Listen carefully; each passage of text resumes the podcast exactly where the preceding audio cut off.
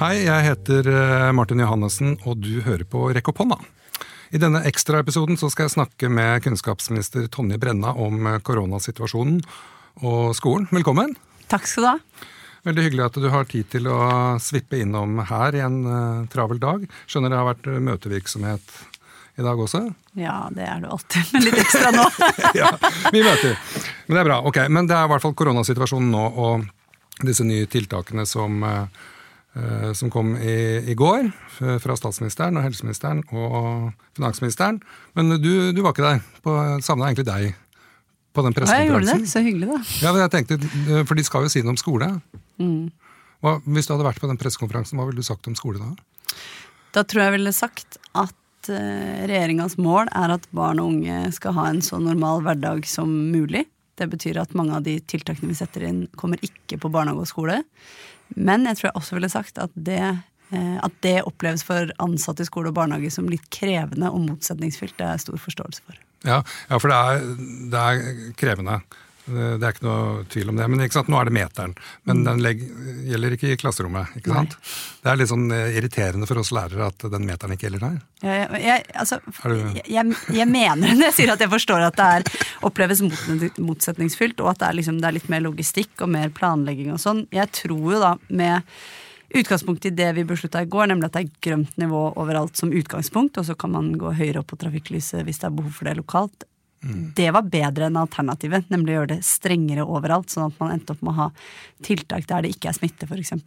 Men det er eh, krevende når det er så ulike situasjoner over landet, og så mange som har rett til å være i skole og barnehage. Ja. Og det vil vi at det skal være, men allikevel så skal vi ta smittevernhensyn, da. Ja, for uh, Mette Våke Johnsen i, i, Skolenes landsforbund hun var jo ute og sa at nå må vi gå på gult nivå. Altså før eh, pressekonferansen også. Og da er på en måte det man har åpna opp for. Mm. Eh, mens Steffen Handal i Utdanningsforbundet er mer kritisk til det og mener at man heller bør ha eh, kortere åpningstid, f.eks. For, mm. for han mm. peker på at det er egentlig to kriser. Koronakrisen og kapasitetskrisen, da, som han kalte det. Mm. Hva tenker du om det? Jeg, tenker i hvert fall Det er to ting vi må ha med oss som er annerledes enn da vi gjorde denne øvelsen sist, for ca. et år siden.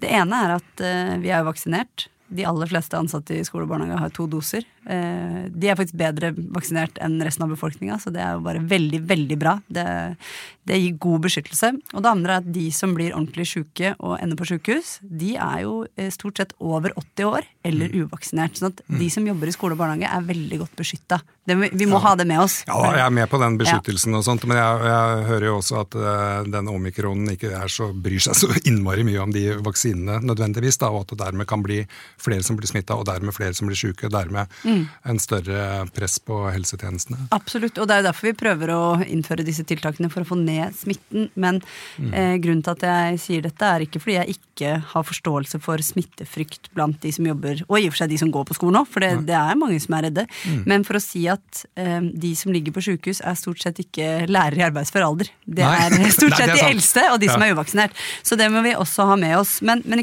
det at uh, Steffen Handal og Mette Walker Johnsen ikke er helt enige om hva det var riktig å gjøre i går. Det viser jo også det store feltet vi skal prøve å ha mm. noen felles regler for, men eh, aller mest kanskje ulike regler avhengig av smittesituasjonen lokalt. Da, og Derfor så prøvde vi å finne en pragmatisk løsning hvor man kan ta i bruk verktøykassa, men hvor det er mm. ikke strengere tiltak enn det man trenger, da, avhengig av smittesituasjonen. Ja. Så har du sånne folk som meg, og, og sikkert andre også, som er litt sånn katastrofe tankeinnstilt. Altså, tenk at jeg er jo vaksinert, mm. Eh, men jeg hadde siste dose i sommer, så den er nok kanskje ikke så effektiv mot uh, omikron nå. Jeg har lyst til å treffe min kjære mor på Hun er 82 uh, eh, i jula. Mm. Men hun, hun har jo fått boosterdose. Ja, hun har fått det er det som er bra. Dose, så hun har, hun har, fått tre.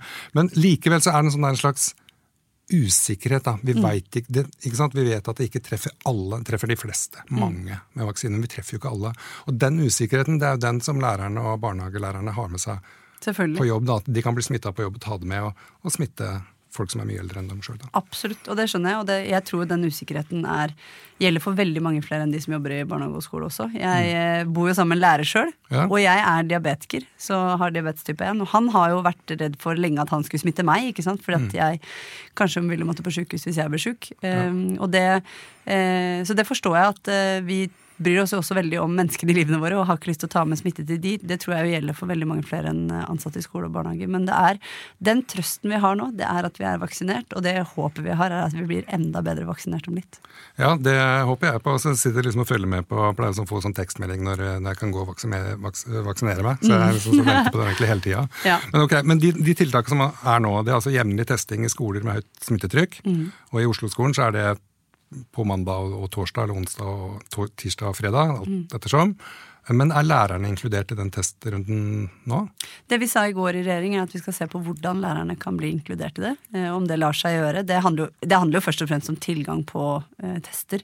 Ja. Eh, men det er jo et mål at både ansatte og elever skal kunne teste seg. fordi det er jo oversikt over total smittebilde vi er ute etter. Så det er et mål. Ja, jeg må jo bare innrømme åpent og ærlig her nå at jeg har stjålet en to-tre sånne hurtigtester Jeg tror ikke du er aleine om.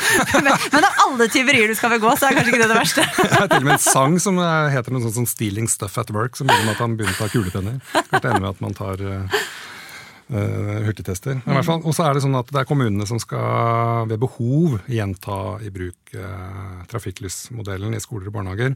Men der mener jo også Steffen Handal fra Utdanningsforbundet at hvorfor kan ikke skolene ta den avgjørelsen selv? Mm. Dette er jo litt sånn komplisert, og det enkle svaret på hvorfor det ikke er mulig, det er jo at det er summen av tiltak mot smitte som avgjør også smitten i skolen.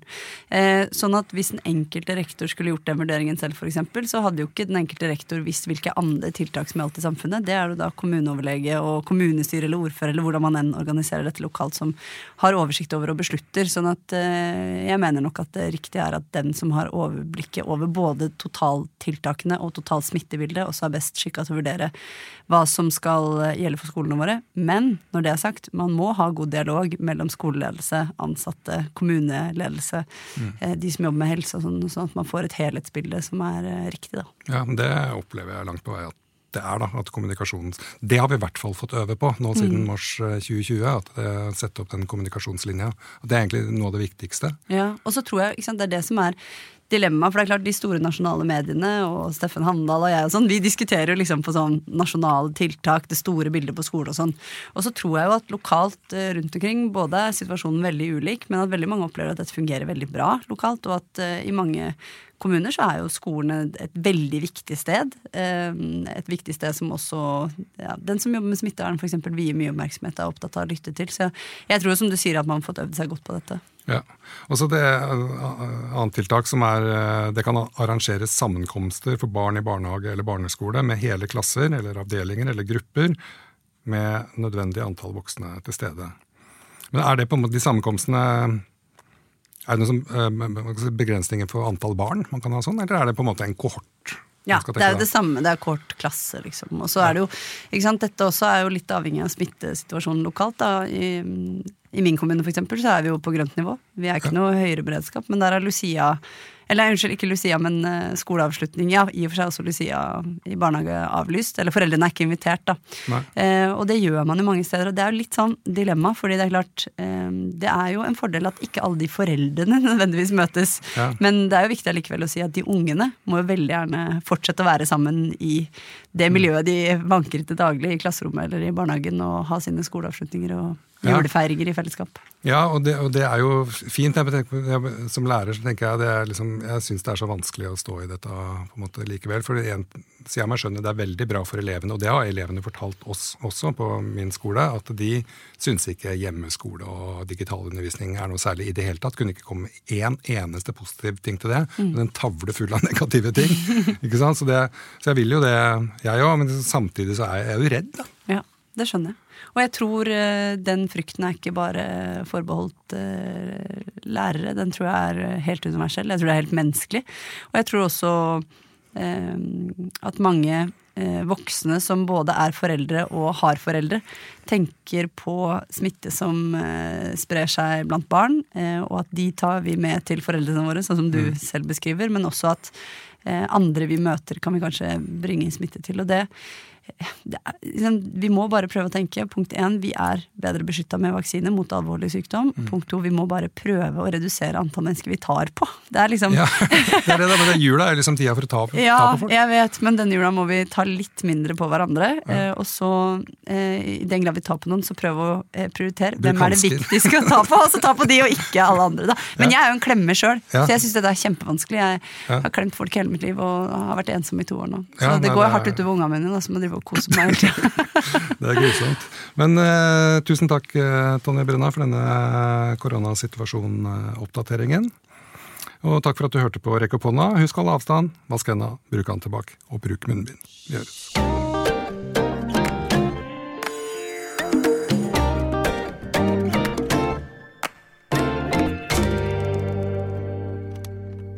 Produsert av